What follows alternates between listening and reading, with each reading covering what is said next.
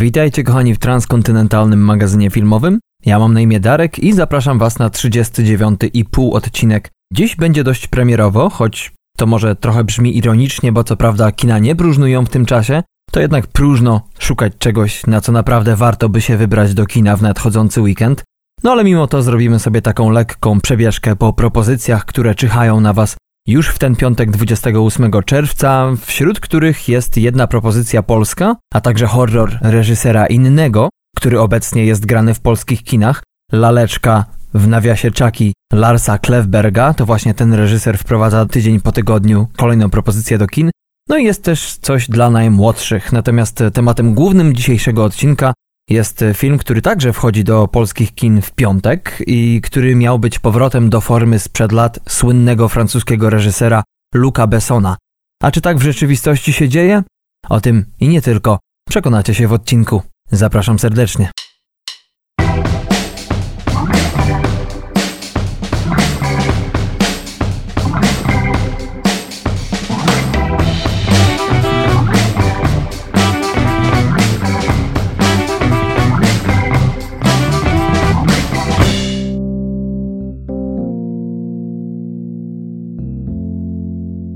Tak to się złożyło, kochani, że w następne dwa tygodnie będziecie mieli wątpliwą czy też nie przyjemność mnie słuchać, ponieważ Patryk aktualnie jest w drodze do Czech, no i kiedy wy będziecie odsłuchiwali ten odcinek, to ten pewnie będzie już się rozbijał po mocno filmowych swoją drogą Karlowych Warach.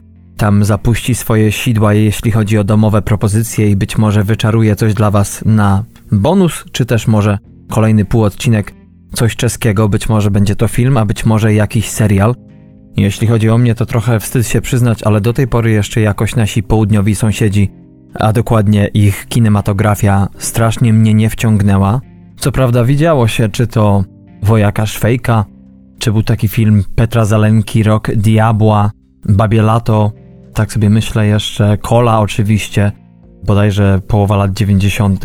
No i jeszcze Pamiętam, że widziałem, ale nie pamiętam o czym był film e, Powrót Idioty. Natomiast na tym kończy się moja znajomość e, tejże filmografii. No i fajnie, że Patryk ma taką możliwość, że teraz może się trochę porozbijać po Europie, poszukać sobie propozycji, które być może niekoniecznie trafią na naszą listę filmów do pełnych odcinków, bo tych filmów mamy jednak już sporo, przynajmniej posegregowanych do przejrzenia, więc tutaj póki co no można by dodawać w nieskończoność i okaże się, że ani połowy tych filmów nie obejrzymy. No i okaże się, że jeszcze gdzieś się zgubimy w trakcie tworzenia tej listy i wyniknie z tego sytuacja jak na Netflixie podczas wyboru seansu czy w supermarkecie, że w momencie kiedy ma się praktycznie nieskończony wybór, no to nie można się na nic zdecydować, e, ale czekam na jego Euromix z utęsknieniem. Ja natomiast, tak jak zażartowałem sobie już w trakcie ostatniego pełnego odcinka, przenoszę się troszeczkę ze świata serialowego do filmu, bo może, tak jak powiedziałem na wstępie, w kinach także amerykańskich nie dzieje się najlepiej, ale jednak coś się tam pojawia. No i teraz też jest czas, żeby nadrobić listę propozycji, które gdzieś tam już od jakiegoś czasu figurowały w zakładkach, a dostępne są tu i ówdzie na tej czy tamtej platformie streamingowej. Ale zanim do tej listy się dobiorę, no to mam właśnie dla Was dziś film Annę, a to z tego względu, że Luc Besson ostatnio nie miał zarówno najlepszej prasy, jak i no też te filmy jego się nie udawały do końca ostatnio. Tym bardziej z zaciekawieniem, a zwłaszcza po seansie zwiastunu, nie mogłem się doczekać, żeby zobaczyć film o bohaterce o wyglądzie modelki, która potrafi skopać nie jeden tyłek i przestrzelić nie jedne uszy. Zapowiadało się to świetnie, teraz już wiem więcej i było to bardzo ciekawe doświadczenie, zwłaszcza po seansie, kiedy zacząłem czytać recenzję bo odpuściłem sobie to przed. Zresztą zazwyczaj tak jest, że jeżeli coś czytam, to tylko u kilku sprawdzonych recenzentów, którzy starają się tak jak my tu w podcaście nie zdradzać za wiele z fabuły. W ogóle problem wielu recenzji, chociaż z mojego doświadczenia tu w Stanach widzę, że bardziej teatralnych niż filmowych, a to podcast nie o teatrze, więc problemu nie ma. Niestety grzeszą tym, że zamiast bycia recenzją jest to po prostu streszczenie fabuły, a chyba nie o to chodzi. No ale tak jak powiedziałem, w przypadku Anny Odpuściłem sobie jakąkolwiek lekturę czegokolwiek w internetach, no i okazało się to dla mnie bardzo zaskakujące już po samym fakcie obejrzenia filmu. I to chyba tyle, kochani, jeśli chodzi o króciutki dzisiaj dość housekeeping. Tak jak powiedziałem, premiery kształtują się, no można powiedzieć, dość średnio, chociaż to też nie jest do końca pewnie uprawnione stwierdzenie, ponieważ są filmy, takie jak na przykład Z głową w chmurach, który jest filmem familijnym produkcji europejskiej, który no, wygląda nie najgorzej, bo, bo i, i temat jest niezły i też piękne krajobrazy. Film opowiada o tym, jak to chłopiec musi opuścić Belgię i udać się do Laponii, żeby poprzebywać ze swoją matką, no i tutaj nie za bardzo się do tego pcha. I niby temat niezły, niby to, co widać w trailerze, też y, całkiem, całkiem przystępne. To jednak nie wiem, czy to tylko w zwiastunie miało miejsce, czy będzie miało również w filmie, ale podłożony został dubbing, no i no niestety musiałem się zmusić do tego, żeby przebrnąć przez cały trailer, bo jednak razi to sztucznością. Nigdy nie byłem fanem kina niemieckiego, które po prostu zabija jakiekolwiek obycie z językiem, mm, no nie tylko angielskim, ale w ogóle z oryginalnym. Ja rozumiem, że ciężko jest czasami oglądać film, patrząc się non-stop w napisy, ale chyba nie ma takiego złotego środka, który by jednak to wszystko pogodził. W filmie animowanym dubbing działa, zresztą tak jak wiecie, polski dubbing jest na światowym poziomie, moim zdaniem, więc tutaj akurat nie ma tego problemu. Ale jednak jeśli chodzi o filmy fabularne, no to nie do końca to wszystko się udaje i ten film wydaje się jest tego dowodem. Jak nie z głową w chmurach, to jest też film z pianą na ustach. Dramat, e, wydaje się, że litewsko-łotewski, chociaż podobno i Polska maczała w tym palce. Jest to film o zdradzających żonach i wściekłych psach, tak można to w skrócie określić, e, które to zagrażają całemu miastu. Nie zdradzające żony, tylko wściekłe psy, chociaż nie wiadomo. Trailer wygląda także obiecująco, nawet bardziej obiecująco niż z głową w chmurach, więc być może na ten film, jeżeli chcecie się wybrać do kina, to być może warto. Tak jak wspomniałem na początku, jest też polska propozycja Pawła Borowskiego. To taki pan, który w zasadzie nie ma za wielu rzeczy na koncie, ale bardziej znanym jego filmem jest dramat obyczajowy sprzed 10 lat Zero, w którym to grali praktycznie wszyscy znani polscy aktorzy. Średnio film udany, ale można powiedzieć, że na polskich aktorów i to tych najlepszych zawsze można popatrzeć z przyjemnością. W dzisiejszym dramacie Także zobaczymy Roberta Więckiewicza i całą plejadę innych znanych aktorów i aktorek. Jest to thriller sensacyjny, który według wielu ma najgorszy plakat w historii polskiego kina, ale przecież nie szata zdobi człowieka, chciałoby się powiedzieć. Film opowiada o trójce celebrytów biorących udział w kontrowersyjnym telewizyjnym show pod tytułem Konfesjonał Gwiazd, e, które to trio wierzy, że zwycięstwo w programie, w którym muszą wyjawić publiczności swoje największe sekrety, przyniesie im wielkie pieniądze, oraz pomoże w realizacji marzeń. Ktoś z użytkowników na Filmwebie napisał, że to taki filmowy escape room i po trailerze można takie odnieść wrażenie. W obsadzie oprócz Więckiewicza, Buzek, Ostaszewska i Kulig do kina można powiedzieć na własną odpowiedzialność, bo mimo iż temat ciekawy, to jednak coś w nim trąci mychą tu i ówdzie w zwiastunie i nie wiem. Zastanawiałem się, czy o tym wam bardziej przybliżyć dzisiaj, ale postanowiłem sobie jednak odpuścić. No i jest też dokument. Jeżeli nie jesteście z tych kinomaniaków, którzy twierdzą, że dokumenty ogląda się tylko i wyłącznie w domu, no to jest coś dla Was, być może.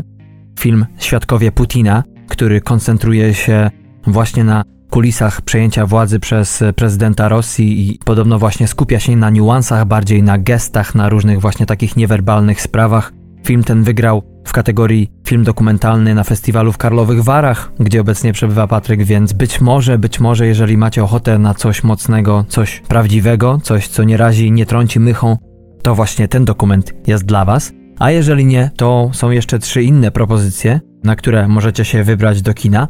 Ostatnia z nich to oczywiście dzisiejszy tytułowy film Luca Bessona Anna, natomiast zanim to, to mamy przede wszystkim horror wspomniany Larsa Klefberga, twórcy, jak wspomniałem, Laleczki, która zbiera niezłe recenzje, widzę, od widzów przede wszystkim. No i mówi się, że jeżeli komuś nie podoba się piąty sezon Czarnego Lustra, mi on, e, muszę powiedzieć, nie przypadł jednak do gustu, no to właśnie ta laleczka może zapełnić powstałą pustkę i, i widzę, że o czym informowaliśmy w ostatnim odcinku pełnym, Mark Hamill i jego głos, który jest podkładany do tytułowej laleczki, daje radę i naprawdę tutaj mówi się o filmie mocno egzystencjalnym, nawiązującym do przede wszystkim tego świata techniki, którym się otaczamy i który nas, można powiedzieć, zniewala. Jeśli chodzi o akcję dzisiejszego horroru Polaroid, który miał premierę 10 stycznia tego roku w Niemczech, w Stanach Zjednoczonych jeszcze nie wyszedł, być może ze względu właśnie na premierę wspomnianej laleczki. Ten film opowiada o nastolatce o imieniu Bird Fitter, która kupuje w antykwariacie tajemniczy aparat. Niedługo potem osoby uwiecznione na zdjęciach zaczynają ginąć w niewyjaśnionych okolicznościach. W jednej z ról głównych występują tu właśnie aparaty fotograficzne, a w szczególności tytułowy, pechowy Polaroid. Za scenariusz do tego filmu odpowiada Blair Butler, wcześniej współscenarzysta do innego horroru z zeszłego roku pod tytułem Park Grozy, który jednak nie zbiera najlepszych recenzji, bo na Rotten Tomatoes, o ile pamiętam, zarówno widzowie, jak i krytycy dają mu tylko 41 około procent pozytywnych opinii. Natomiast w obsadzie dzisiejszego filmu, bardzo młodej obsadzie, można wyszczególnić przede wszystkim trzy nazwiska Tylera Younga, a także Samantha Logan, znaną chociażby z Netflixowskiego serialu 13 powodów, czy też Catherine Prescott, która gra tutaj główną bohaterkę Bird Fisher. I tę aktorkę możemy jeszcze w tym roku, czy będziemy mogli obejrzeć e, w filmie Był sobie pies. Natomiast wcześniej zagrała w takich propozycjach jak Gołębiarki, Mamuśki mają wychodne, czy Ziomalki, czyli można powiedzieć strach się bać, czyli idealne przygotowanie do horroru. Film ten, tak jak już w zeszłym tygodniu wspominaliśmy, powstał na podstawie krótkiego metrażu Polaroid tego samego reżysera sprzed czterech lat, natomiast dzisiejszy film został ukończony już w 2017 roku. Premiera została jednak wstrzymana głównie przez skandal z Harveyem Weinsteinem. Przy nieznanym budżecie film ten nie zarobił jeszcze za wiele, bo kształtuje się to na poziomie 600 tysięcy dolarów na całym świecie. Jeśli chodzi o oceny i recenzje, to na Rotten Tomatoes ich jeszcze jest całkowity brak, natomiast na IMDb jest to tylko 5.1. 88 minut czas trwania nie zwiastuje nam po tych e, szczątkowych, co prawda, głosach e, nic ciekawego. Trailer wygląda nie najgorzej, ale wydaje się, że jednak jest to zwykła horrorowa papka, która po prostu przyprawia złą gębę innym horrorom. Dlatego Patryk i ja mamy takie, no może nie uprzedzenia, ale takie problemy, żeby jakkolwiek się w tym świecie podobno świetnym gatunku odnaleźć. No ale jeśli nie ten horror i poprzednie propozycje, o którym wam wspomniałem, no to może wybierzecie się z dzieciakami na sekretne życie zwierzaków domowych 2. Jest to film twórców serii Despicable Me, choć po polsku widzę, że są tutaj aż trzy różne tytuły, wśród których ostatni to Grudru i Minionki. Premiera dzisiejszej animacji miała miejsce 24 maja tego roku. W Stanach do kin ten film wszedł 7 czerwca, no i wychodzi 3 lata po pierwszej części, która Zarobiła na świecie nie tak całkiem mało, bo było to około 875 milionów dolarów, więc ten wynik no naprawdę nie jest e, godny pożałowania. Jeśli nie pamiętacie jedynki lub jej nie widzieliście, to tam do głównego bohatera, czyli psiaka Maxa, dołącza jego większy kompan Duke, no i zaczynają się problemy. Natomiast w dzisiejszej drugiej części Duke już jest w pełni zintegrowany z otoczeniem, natomiast Max i inny bohater, królik Snowball, wyjeżdżają na wycieczkę poza miasto, gdzie czeka ich życie, którego nigdy nie znali i będą musieli się tam zmierzyć z wieloma przeciwnościami losu, poznać życie na wsi i ich mocno kolorowych i nie zawsze przyjemnych mieszkańców. Za scenariusz animacji, tak jak za jedynkę, odpowiada tutaj Brian Lynch, na którego koncie widnieją jeszcze scenariusze m.in. do Kota w butach czy do Minionków. No i w 2020 roku wyjdzie kolejny film o tych bohaterach, natomiast za reżyserię dzisiejszego, jak i poprzedniej wersji filmu odpowiada Chris Reynolds, który oprócz tego stworzył także pierwsze dwa filmy o minionkach, czyli Jak ukraść księżyc oraz Minionki rozrabiają. W obsadzie? No cóż, w jedynce w roli Maxa mieliśmy tutaj Louisa C.K. Wiadomo, że od tego czasu trochę się zmieniło, ten landscape troszeczkę, można powiedzieć, oczyścił się ze złego elementu, no i niestety dla wszystkich, ze względu na sprawy obyczajowe, Louisa C.K. tutaj nie ujrzymy. W tej roli zastąpił go tutaj Patton Oswald, natomiast w roli Duke'a także ujrzymy Ricka Stone Streeta, który znany jest bardziej jako ten troszeczkę większy pan z serialu Modern Family. No oprócz tego do Ellie Kemper, która znana jest ostatnio z Unbreakable Kimmy Schmidt jeszcze wcześniej ze swojej roli sekretarki z serialu The Office, Dołączyli tutaj Tiffany Haddish, Nick Kroll, czyli autor odpowiedzialny za Netflixowy Big Mouth, a także Harrison Ford, dla którego dzisiejszy film jest pierwszym animowanym, do którego miał okazję podkładać e, swój głos. Jeśli chodzi o polski dubbing, to w głównych rolach występują ci sami aktorzy, czyli Tomasz Borkowski i Jakub Wieczorek. Przy budżecie około 80 milionów dolarów film ten zarobił już na całym świecie niecałe 200, jeśli chodzi o weekend otwarcia, to jest jednak już tutaj o wiele gorzej niż z jedynką, bo ta zarobiła w pierwsze trzy dni 104 miliony, a dzisiejszy niecałe 47. więc wydaje się, że do tych 800 kilkudziesięciu milionów dolarów całkowitego zarobku będzie dwójce bardzo ciężko dorównać. Jeśli chodzi o recenzję, to jedynka miała 6,5 na IMDb, na Rotten Tomatoes były to odpowiednio 73% pozytywnych opinii recenzentów, 62 widzów.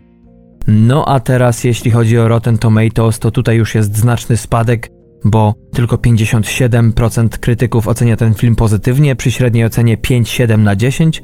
Ale jeśli chodzi o widzów, to jest tu o wiele lepiej niż w porównaniu z jedynką, bo film ten otrzymał aż 90% głosów pozytywnych przy ocenie 4,4 na 10, więc jest lekka poprawa z oceny 3,5 na 5, jeśli chodzi o poprzednią wersję. No ale jednak jak wczytamy się w opinie recenzentów, to jednak tutaj te pozytywne są dość mocno takie powierzchowne i może nie ma większego sensu przytaczać ich, ale może wspomnę tylko o jednej, która mówi, że film ten jest dla dzieci i dorosłych, którzy po prostu nie mają zbyt wygórowanych oczekiwań. No czy po prostu jest to film dla tych, którzy nie pomylili sal kinowych z Toy Story 4, który to film już jest grany w amerykańskich kinach. No i mówi się też, że nigdy dobrą oznaką nie jest to, że film otrzymuje największą salwę śmiechu na napisach końcowych, a moje dwie ulubione negatywne opinie są następujące. Pierwszy recenzent mówiąc o filmie pisze, iż zamiast choreografii otrzymujemy tu po prostu cyrk na kółkach, a najbardziej wyważony krytyk zastanawia się, czy warto było wydawać aż 80 milionów dolarów na ten produkt. No i po chwili odpowiada sobie, pewnie nie, ale to nie nasza kasa, więc czas trwania 86 minut, Także ja mogę powiedzieć, że trailer wygląda całkiem nieźle. Nadal jest to raczej film dla dzieciaków, tak jak jedynka, więc jeżeli macie pociechę, która chciałaby się rozerwać, wiem, że Patryk ostatnio był po raz pierwszy w kinie z córeczką na Ugly Dolls i z tego co pamiętam, to nie poleciłby tego filmu nawet wrogowi. No a jeśli chodzi o dzisiejszy film, to wydaje się, że jest to bezpieczniejsza propozycja, więc być może można się nad tym nieco pochylić. No i tak, kochani, kształtują się te nieszczęsne premiery na ten weekend. Nie ma za wielkiego wyboru, ale być może, być może film tytułowy dzisiejszego półodcinka, czyli Anna, będzie czymś, co choć w części Was zainteresuje. Był to trzeci najbardziej oczekiwany film tego weekendu według głosów użytkowników portalu Filmweb. I opowiada on o Annie, która wczoraj była narkomanką w moskiewskim półświadku, Dziś jest topową modelką w największych paryskich domach mody, jednak nikt tak naprawdę nie wie kim jest. I tyle jeśli chodzi o notkę producencką. I trzeba powiedzieć, że jednak o wiele więcej dzieje się w tym filmie niż tylko to, no bo tutaj mamy do czynienia nie tylko z KGB, które angażuje Annę do swoich operacji, ale w pewnym czasie dochodzą tutaj także przedstawiciele CIA i zaczyna się niezła jazda i balansowanie głównej bohaterki właśnie na granicy między tymi dwoma światami, jest to kobieta, która ma dość ciężkie życie, dość ciężką przeszłość, bo zanim została agentką czy modelką, no to jednak e, wpadła w nie najlepsze towarzystwo i nie potrafiła się z tego przez długi, długi czas wykaraskać. Luc Besson lubi takie tematy, bo to już nie pierwszy raz, kiedy czyni z, można powiedzieć, pięknej, wątłej kobiety bohaterkę z krwi i kości, która łamie nogi, nosy i przestrzeliwuje różne inne ciekawe okolice facetom na lewo i prawo. Można nazwać go w zasadzie takim prekursorem damskiego kina bohaterskiego, no bo w 1990 roku wyszedł jego film Nikita. Był to mocno, mocno inny film jak na tamte czasy, który stworzył modę na bohaterki z krwi i kości. Potem był Leon Zawodowiec i tam też mieliśmy podobny element Potem był piąty element y, i oczywiście słynna Mila Jowowicz, no i potem już oczywiście Besson skierował się ku innym tematom. Były filmy Taxi potem jego dwie kolejne kontynuacje. W międzyczasie klapa finansowa w postaci filmu Joanna Dark, w 2005 roku Angel A. I tak sobie myślę, że na tym chyba bym zakończył jego projekty, które, o których warto wspomnieć. Rzeczywiście te pierwsze cztery czyli Nikita Leon, zawodowiec, piąty element Taxi, no ale Angel A też bym zaliczył do tych jego rzeczywiście mocnych. Niedawno był Valerian i Miasto Tysiąca Planet, przepiękny film, mocno magiczny, no i na tym jego pochwały, można powiedzieć, się kończą. Zarówno u mnie, jak i wśród profesjonalnej krytyki była to kolejna wielka wtopa reżysera, no i dzisiejszym filmem Anna Besson chciał powrócić do wielkiej formy, czy też bardziej do tego, za co jest znany, żeby być może troszeczkę oczyścić grunt pod nogami. I tutaj też jest drugie dno, ponieważ e, no raz, że kiedy Besson kończył zdjęcia do dzisiejszego filmu, a był to grudzień 2017 roku, to wtedy Fox Pictures wypuszcza Czerwoną Jaskółkę z Jennifer Lawrence y, i dziś mówi się, że była to inteligentniejsza, bardziej wyszukana wersja Anny. Oprócz tego wyszedł taki film jak Atomic Blonde z Charlize Theron. No i po tym jak te filmy wyszły i Besson o tym wiedział, no to ludzie już dziś teraz z pozycji dzisiejszej wiedzy mówią, że Besson powinien był wrócić na strych i napisać scenariusz na nowo lub zrobić coś, czego jeszcze wcześniej nie zrobił.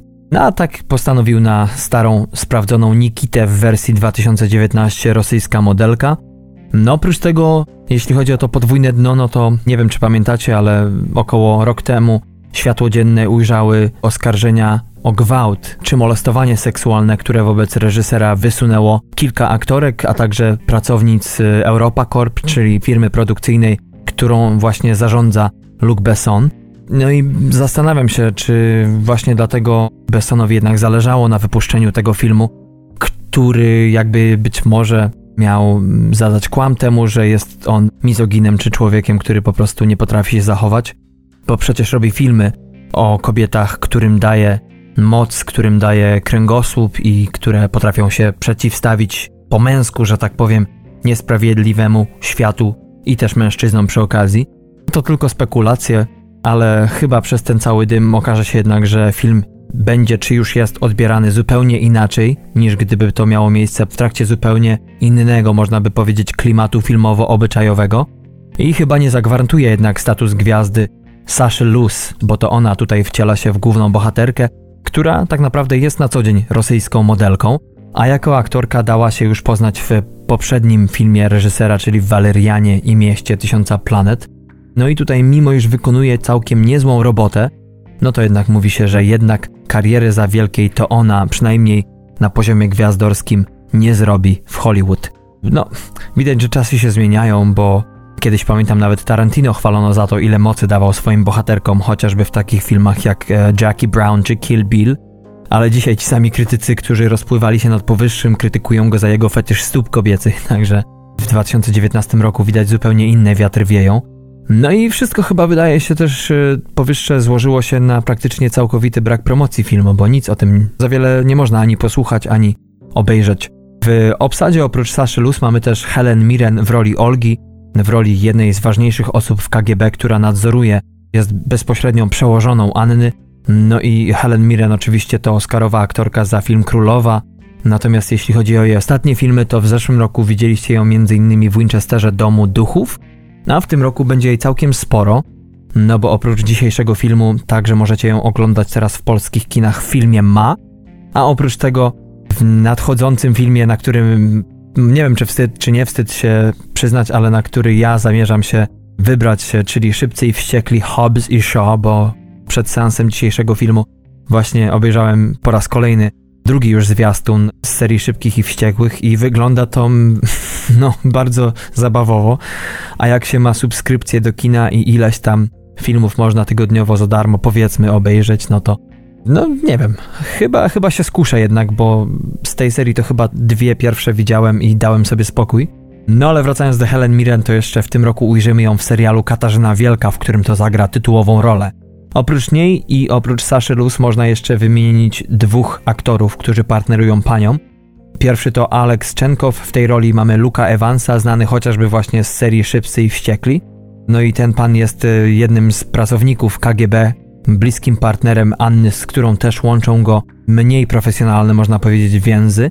Natomiast jeśli chodzi o wspomniane CIA, no to mamy tutaj Lenego Millera, który także po jakimś czasie nawiązuje kontakt z Anną i w tej roli mamy Siliana Murphy'ego, czyli słynnego nie tylko Jonathana Crane'a z serii o Batmanie, ale też możecie pamiętać go z takich filmów jak 28 dni później danego Boyla z 2002 roku. Zagrał też w Incepcji czy główną rolę w serialu Peaky Blinders, e, świetnym serialu, którego jeśli nie widzieliście jeszcze, to ogromnie, ogromnie wam polecamy.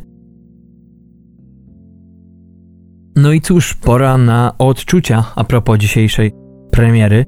To było mocno ciekawe doświadczenie, tak jak wspomniałem, z tego względu, że iż po wyjściu z kina, jak zacząłem czytać sobie różne rozmaite opinie o tym filmie, to okazało się, że krytyka jedzie strasznie na ten film, natomiast widzowie widzom się całkiem podoba, no i mówią, wyrażają się bardzo pozytywnie o spędzeniu no, dwóch godzin bądź co bądź y, z najnowszym dziełem Bessona i dotarło wtedy do mnie, że tak naprawdę chyba po raz pierwszy, przynajmniej jeśli chodzi o nasz podcast, mam do czynienia z sytuacją, w której tak naprawdę zgadzam się i z jednymi, i z drugimi pod pewnymi względami. Może zacznę od pozytywnych rzeczy. Przede wszystkim bardzo sobie chwalę w tym filmie przemoc, trochę przypominającą Tarantino, ale jednak jest to zupełnie inny styl, zupełnie inny reżyser, więc to jakby nie rzucało mi się w oko, jakby to była kopia mistrza amerykańskiego. No i choreografia też bywa momentami całkiem niezła. Co prawda nie zawsze jest ona taka, można powiedzieć, na stałym, stabilnym poziomie, bo są momenty, które zaczynają się słabo, trochę teatralnie, trochę nudnie, ale potem jednak dają radę. Zazwyczaj wszystkie sekwencje walki kończą się z przytupem i tu akurat bym ten film za to pochwalił. Jeśli chodzi o broń i strzelanie natomiast, to jest tutaj już troszeczkę problemów z tym, bo niby jako widz non-stop oglądałem to z zaciekawieniem, ale już po kilku recenzjach rzeczywiście muszę przyznać rację tym krytykom, którzy mówią, że jakby Besson nie ma pomysłu za bardzo na to strzelanie. No i do tego dochodzi też moim zdaniem właśnie taka nieprzekonywująca niezniszczalność bohaterki, bo walka sama w sobie może budzić miejscami podziw i całkiem nieźle się to ogląda, ale jednak Besson wydaje się, że przy użyciu kamery, dźwięku, jak i wdzięku głównej aktorki hipnotyzuje nas lekko, no i za łatwo to wszystko jej przychodzi. Aktorka przekonująco gra momenty zapaści psychicznej, co prawda, ale nie ma tak naprawdę momentu w filmie, kiedy się o nią faktycznie boję. I to jednak Besson swoim stylem maskuje i swoim tempem, które też moim zdaniem jest wielkim plusem tego filmu. Tutaj dochodzimy do kolejnego problemu, czyli do dialogów, które w wielu momentach niestety są sztampowe i tutaj wychodzą właśnie po kolejnej scenie ze słabymi dialogami problemy scenariuszowe, bo okazuje się, że mimo iż ten oferuje sporo jednak zaskoczeń tu i ówdzie, bo często jest tak, że jak idziemy po nitce do kłębka, to potem wracamy się i widzimy zdarzenia z zupełnie innej perspektywy, które zmieniają kompletnie nasze wyobrażenie na temat akcji filmu. I Besson, trzeba powiedzieć, stosuje ten zabieg, choć non-stop to jednak udanie. Krytyka twierdzi, że nie, nic to nie wnosi i jedynie co ma na celu to odwrócenie naszej uwagi od tego, jak mocno przewidywalny jest ten film i tu zgadzam się kompletnie z krytyką. To jednak dla mnie była oczywista oczywistość w połowie tego seansu. Kolejna dobra rzecz, tak będę może skakał między złem a dobrem, to jednak sprawne żonglowanie osiami czasowymi w filmu. Ale tu zdarzają się jednak błędy, bo choć y, non-stop wiem, w którym roku jestem i, i, rozumiem, jak to się wszystko łączy, mimo można powiedzieć lekko zastanawiającego początku filmu, to jednak potem już to wszystko daje radę. Ale też pojawiają się ogromne błędy, bo niby jesteśmy w latach 80., potem lata 90., i mamy komórki, które nie były wtedy w ogóle w użyciu i, i gubię się właśnie i to jednak sprawia, że czekaj, czy to jest rok 90? Przecież to jest Nokia, która generalnie wyszła chyba na początku lat 2000, więc tutaj no troszeczkę jednak Europa Corp i sam Besson no nie dograli tych spraw i widać nie sprawdzili dobrze osób, które powinny sprawdzać takie rzeczy i robić research na ten temat, żeby to wszystko wyglądało jednak przekonująco. No tym bardziej takie rzeczy i te błędy rzucają się w oko, dlatego że występują często na pierwszym planie, w zbliżeniu na postać, na jej twarz i aż ciężko ignorować takie rzeczy, które jednak mimo wszystko też grają główną rolę w tym czy tamtym ujęciu. To, co pcha te akcje do przodu, jest zrobione świetnie. Na wzór kina lat 90. to udźwiękowienie w tym filmie. Zresztą tutaj reżyser współpracuje z tym samym facetem od lat i wnętrza wyglądają prześwietnie, bo zarówno Paryż, jak i Moskwa w tym czy tamtym okresie są oddane idealnie. No to jednak e, zdarzają się takie rzeczy, które wybijają nas z rytmu, jak na przykład niekonsekwencja w języku rosyjskim, chociaż być może to jest moje tylko osobiste zdanie i wam to nie będzie zupełnie doskwierać i być może nie doskwierało nikomu innemu. Zresztą nie widziałem e, akurat tego przytku w żadnej innej recenzji, ale moim zdaniem Besson operuje tutaj jako scenarzysta, bo o tym zapomniałem wspomnieć, że nie tylko reżyseruje ten film, ale także całkowicie go popełnił od strony scenariuszowej. Słabo jednak artysta operuje tutaj językiem rosyjskim. Jest tutaj ogromna niekonsekwencja, ponieważ kiedy jesteśmy w Moskwie w latach wcześniejszych, no to widzimy język rosyjski, jesteśmy tutaj właśnie członkiem bandy rosyjskich naturszczyków.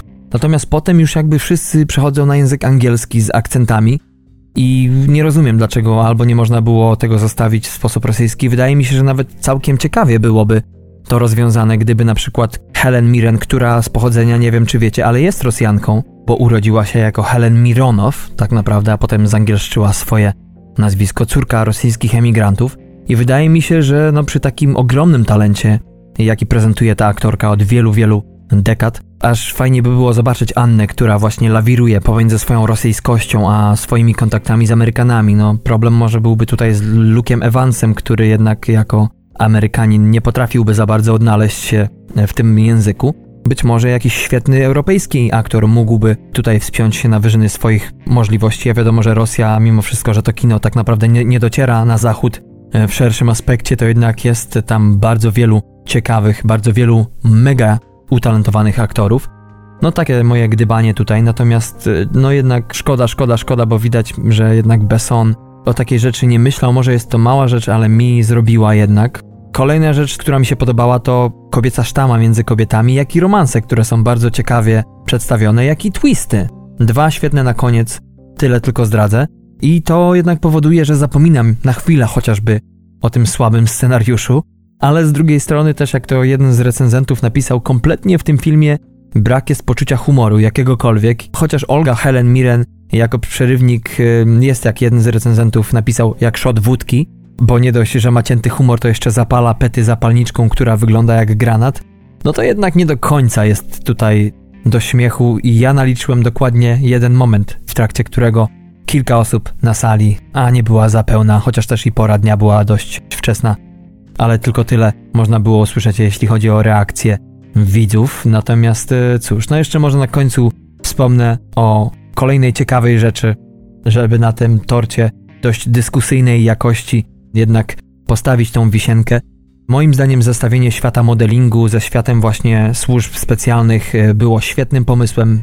I co prawda, chociaż w tym świecie, zarówno w jednym, jak i w drugim, jest trochę takiej teatralności, jest też trochę jakichś takich tanich kuksańców, które robią ze świata modelingu zwłaszcza, a przede wszystkim nie tyle z modelek, co z fotografów, którzy, co sugeruje kilka recenzji, zostali stworzeni na modłę autentycznych, którzy pracują w tym biznesie, chociaż mi ich imiona kompletnie nie są znane, no to uważam, że jednak nie do końca to Bessonowi się udało, bo gdyby ten film od początku miał właśnie taki lekki slapstick, czy właśnie komediowe zacięcie, to można byłoby to zrozumieć, natomiast tutaj jest to taka rzecz, która wystaje i nie wiadomo do końca jak ją połączyć z innym filmem.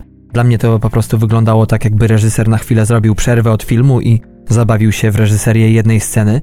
No i to tyle, ale mówię, zestawienie tego świata ze światem KGB który również trąci czasami mychą, jest jednak dobrym pomysłem, bo i tu, i tu, tak mniemam jak i w życiu, czają się potwory, a ta równoległość tych światów jest po prostu jak najbardziej sprawnie zestawiona. Film, moim zdaniem, tak podsumowując to dzieło, działa świetnie na poziomie żwawego, przerysowanego filmu akcji, ze świetną scenografią, kilkoma naprawdę niezłymi scenami walk i strzelanin. Scenariusz w wielu momentach przewidywalny, ale w kilku jest całkiem niezły, sprawnie zrealizowany, jeśli chodzi tutaj o aktorstwo, kamerę, dźwięki, muzykę i momentami też reżyserię. A jakie jest przesłanie filmu? No nie wiadomo, bo niby bohaterka przechodzi przez wiele rzeczy, ale raczej do końca nigdy nie można je współczuć na poziomie jakiejś głębszej empatii. Film ten jest pełen niestety sprzeczności, które nie działają na jego korzyść. Nie tylko były to błędy realizatorskie, no i z tego właśnie powodu z pozoru skomplikowany scenariusz wcale nie jest aż tak powalający i często metafory tak jak te chociażby z babuszką na ryneczku rosyjskim, to tak zdradzam, ale nie zdradzam, będziecie musieli obejrzeć, będziecie wiedzieli o co chodzi, a może i nie, no to niestety bywają od tylko zarysem jakiegoś ciekawego pomysłu, za którym jednak nic nie idzie. Tutaj pytanie przede wszystkim o aliansę głównej bohaterki. Wielu recenzentów zastanawiało się, do kogo jej bliżej, do Amerykanów czy do Rosjan. Moim zdaniem do nikogo tak naprawdę, przynajmniej my tego jako widzowie nie wiemy, a wydaje mi się, że na koniec filmu, czy w trakcie, przynajmniej powinniśmy być wodzeni za nos troszeczkę lepiej, troszeczkę sprawniej. Mówi się, że przez brak promocji wszystko, co się dzieje w filmie, jak i wokół niego, to tylko sprawna, no bo to w końcu profesjonaliści, realizacja zobowiązania, jak seks małżeński, bo to przecież jest w umowie. Tak to jeden z recenzentów podsumował. No, z całym szacunkiem dla seksu małżeńskiego, ale nic dodać, nic ująć. Tak mi się wydaje przynajmniej, że lekko z musu, z rozpędu został ten film wydany. Jeśli chodzi o krytykę, to przy niecałych 2000 głosów na IMDb jest to 6.8. Na Rotten Tomatoes, tak jak powiedziałem, jest ten film jednak lekko miażdżony, bo tylko 29% krytyków wystawia im pozytywną laurkę przy ocenie 4,3 na 10, a jeśli chodzi o widzów, to jest tutaj już, jak powiedziałem, zupełnie, zupełnie inaczej – bo aż 80% e, tych, którzy zdecydowali się zagłosować na portalu Rotten Tomatoes, wystawia pozytywną ocenę filmowi przy średniej ocenie 4 na 5, więc no muszę powiedzieć szczerze, że zaraz po wyjściu z kina czy na napisach końcowych e, zdecydowanie zdecydowanie opowiadałem się za tym, co w tym filmie widzą przynajmniej ci widzowie, którzy zagłosowali. I też tak napisałem w SMS-ie Patrykowi, że nie kumam kompletnie o co krytykom profesjonalnym chodzi, ale potem w drodze do domu, kiedy wczytywałem się w wiele opinii na różnych portalach, no to jednak okazało się, że w bardzo wielu momentach, e, w których punktują ten film, mają rację. I też takie było moje odczucie, ale być może dlatego, że film jednak sprawnie idzie do przodu, to jako recenzent po prostu no nie notowałem nigdzie nic na boku, tylko szedłem za akcją, podążałem za główną bohaterką i w zasadzie to jakoś tak rozmywało się, więc e, tak mi się wydaje, że jeżeli chodzi o dobrze zajęte dwie godziny, to ten film naprawdę może być udaną propozycją i warto się na ten film wybrać. Ale jeżeli oczekujecie coś, czego wcześniej nie widzieliście, czy coś, co powali was z nóg, no to też wydaje mi się, że możecie być w błędzie, chociaż tak jak zawsze powtarzam, o gustach się nie dyskutuje i też ważne z jakim umysłem, z jakim nastawieniem przychodzi się do kina i mnie jest y, przede wszystkim oczekiwań w stosunku do danego dzieła, ale też no i ze względu na to, co wy tak naprawdę widzieliście w życiu, czy widzieliście podobne filmy, Nikitę, Leona Zawodowca, pamiętacie Piąty Element i, i właśnie te różne motywy, a także inne filmy, tak jak wspomniane właśnie już Atomic Blonde czy Czerwoną Jaskółkę, które po prostu no opowiadają o podobnych klimatach, no i chociażby ze względu na tę wiedzę Anna jednak e, no jest to taka jakby herbata robiona drugi raz z tej samej torebki. Być może tak jest. Jeśli chodzi o budżet, to na ten film przeznaczono około 30 milionów dolarów. Jest to produkcja europejska. Mój Kanal Plus tam maczało palce i wiele innych studiów. Natomiast film zarobił niecałe 5 baniek do tej pory w dolarach. Na otwarcie liczono się z zarobkiem na poziomie od 2 do 4 milionów. Było tylko milion 400 tysięcy.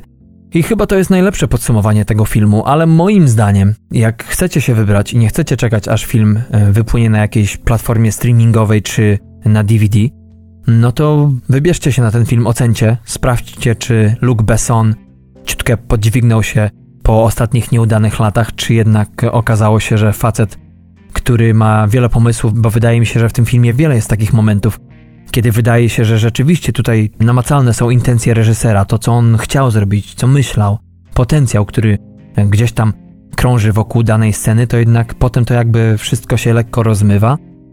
No nie wiem, czasami może takie filmy warto też robić, że nie warto licytować się non-stop, który film jest lepszy, bardziej złożony, bardziej psychologiczny, który wynajduje coraz to nowe koncepcje, jeśli chodzi o filmowanie walk, czy samą choreografię, czy też inne sprawy.